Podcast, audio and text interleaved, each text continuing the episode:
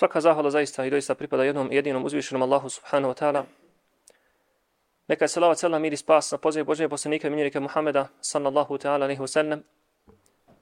Neka je salavat i selam mir i spas na njegovu plemenitu porodcu Ahli Bejt, na njegove časne ashabe, prijatelji i drugove, zatim na njegove tabine, pratio sa njegovih ashaba, a onda i na one koji njih budu pratili i slijedili do sudnjega dana. Amin, ja rabbel amin. Poštovana braći, cijeni vjernici, Allahu i robovi. Assalamu alaikum wa rahmetullahi wa barakatuh. Poštovana braćo, danas se nalazimo već u 20. danu mjeseca Ša'bana 1440. godine po Hidžri, što znači za nekih desetak dana ulazimo, inša Allahu ta'ala, ulazimo u mjesec Ramazan. Od današnje hudbe i današnjeg petka polako ćemo već krenuti sa našim ulaskom u Ramazan, prije svega našom svakodnevnom pričom, iako je to već od ranije na sceni, ali sada malo, inša Allah ta'ala, i intenzivnije. Tema današnje hudbe jeste kada bi znao da je ovo moj posljednji Ramazan, šta bih uradio?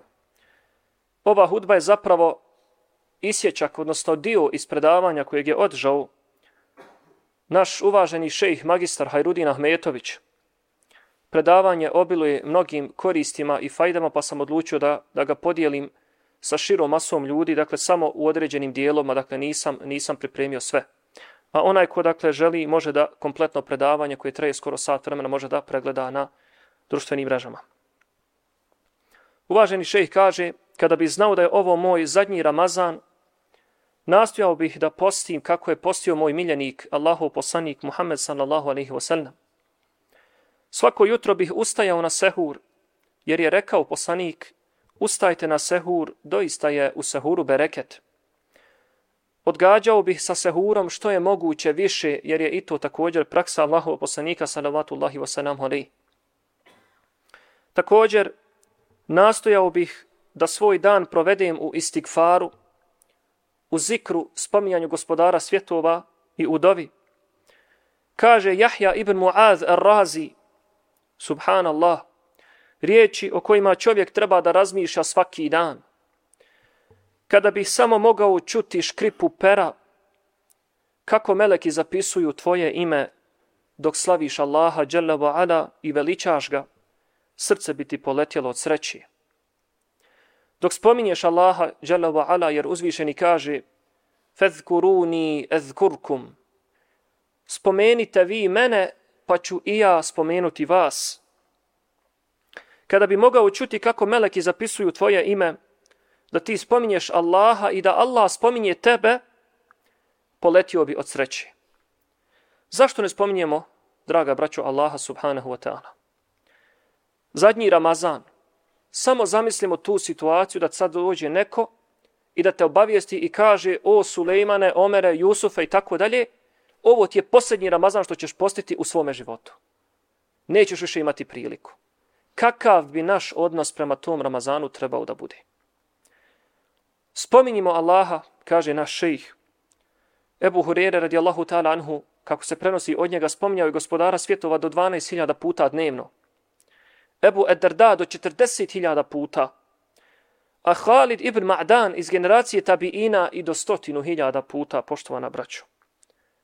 Hajde učini grijeh nakon tolikog broja spominjanja gospodara svjetova. Zavaravamo se, braćo, uzdižemo se i čime se to mi ponosimo. Kada bi znao da je ovo moj zadnji Ramazan, mnogo bih definitivno učio Kur'an.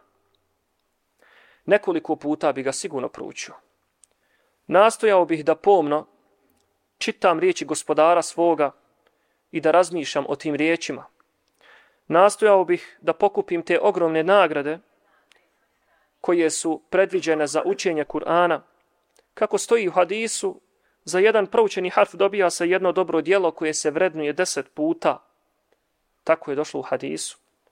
U drugome hadisu, kako ga komentariše Abdullah ibn Omer, koji i prenosi taj hadis, Ovo važi samo, braćo, za one koji tek uđu u islam i učine dobro djelo.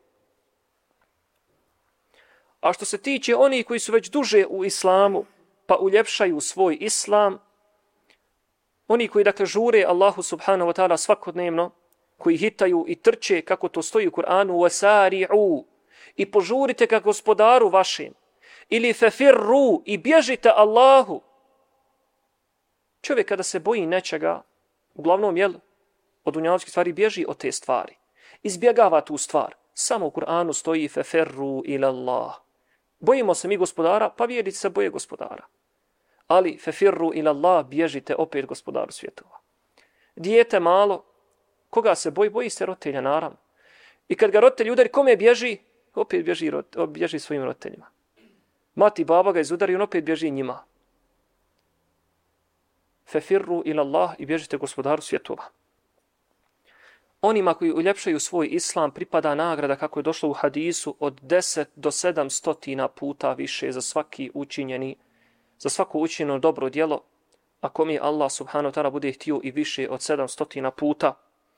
Kaže, pa bih nastojao da što je god moguće više čitam govor gospodara svoga, Allaha subhanahu wa ta'ala, da imam što više tih sevapa. Kada bi znao da je ovo moj zadnji Ramazan, tražio bih džamije, gdje se uči Kur'an, gdje se izučava Kur'an u mjesecu Ramazanu. Jer je rekao Allahu poslanik sallallahu alaihi wasallam, nikada se neće sakupiti ljudi u nekoj od Allahovih kuća da uče i izučavaju Allahovu knjigu, Kur'an i Kerim, a da se neće na njih spustiti smiraj, obaviti ih milost, nadkriliti ih meleki sve do nebesa i Allah ih spomenuti sve jednog po jednog kod onih koji se nalaze od meleka kod njih, kod njega. El melaiketul muqarrabun. To su meleki koji su Allahu subhanahu ta'ala bliski, koji se nalaze kod njega. Allah dželle ve ala kada ugleda dakle skupinu ljudi kako ga veličaju kaže pogledajte veliča me moj rob. Kada Allahov rob spomene gospodara svjetova u Fatihi pa kaže Elhamdulillahi rabbil alamin Allah subhanahu ta'ala se pohvali kod meleka njemu bliski pa kaže pogledajte. Hvali me moj rob pa pogledajte. Veliča me moj rob pa uziže me moj rob pa moj rob, mom robu pripada što god on hoće i što god poželi. Kur'an bih učio skrušeno, doživljavao ga kao da ga je meni objavio gospodar svjetova. A ako još nisam naučio arapsko pismo, a brada počela sjediti, a ja ne znam da učim govor gospodara svoga, zar me nije stid?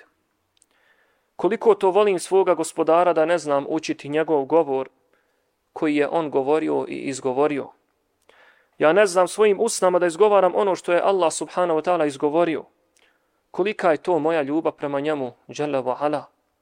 Sve mi je bilo za ovih 20, 30 ili više godina preće od toga da naučim učiti Kur'an samo 28 harfova, ni malo ni veliko, ni pisano, ni štampano, ni čirilica, ni latinica. Samo 28 harfova.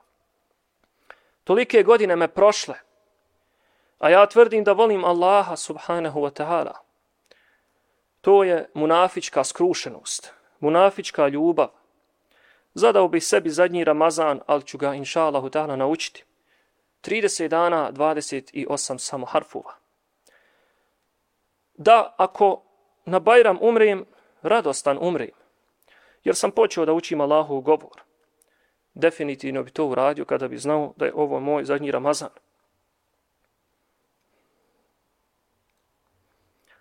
Kada bi znao da je ovo moj zadnji Ramazan,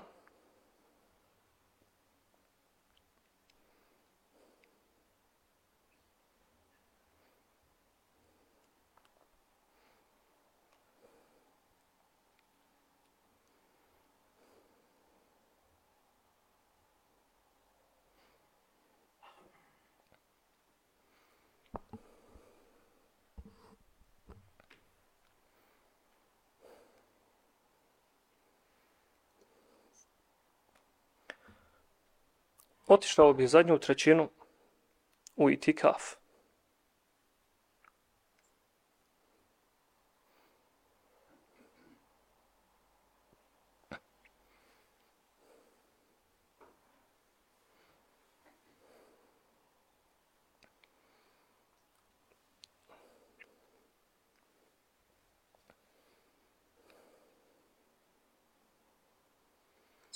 Jer od Dunjaluka srce mi je postalo tvrdo.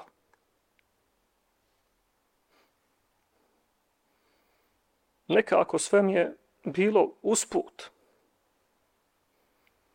Namaz mi je bio usput. Kur'an mi je bio usput. Ono što sam učio bilo je najčešće u autu. Spominjao sam sve druge, osim Allaha. Rijetko ili najmanje.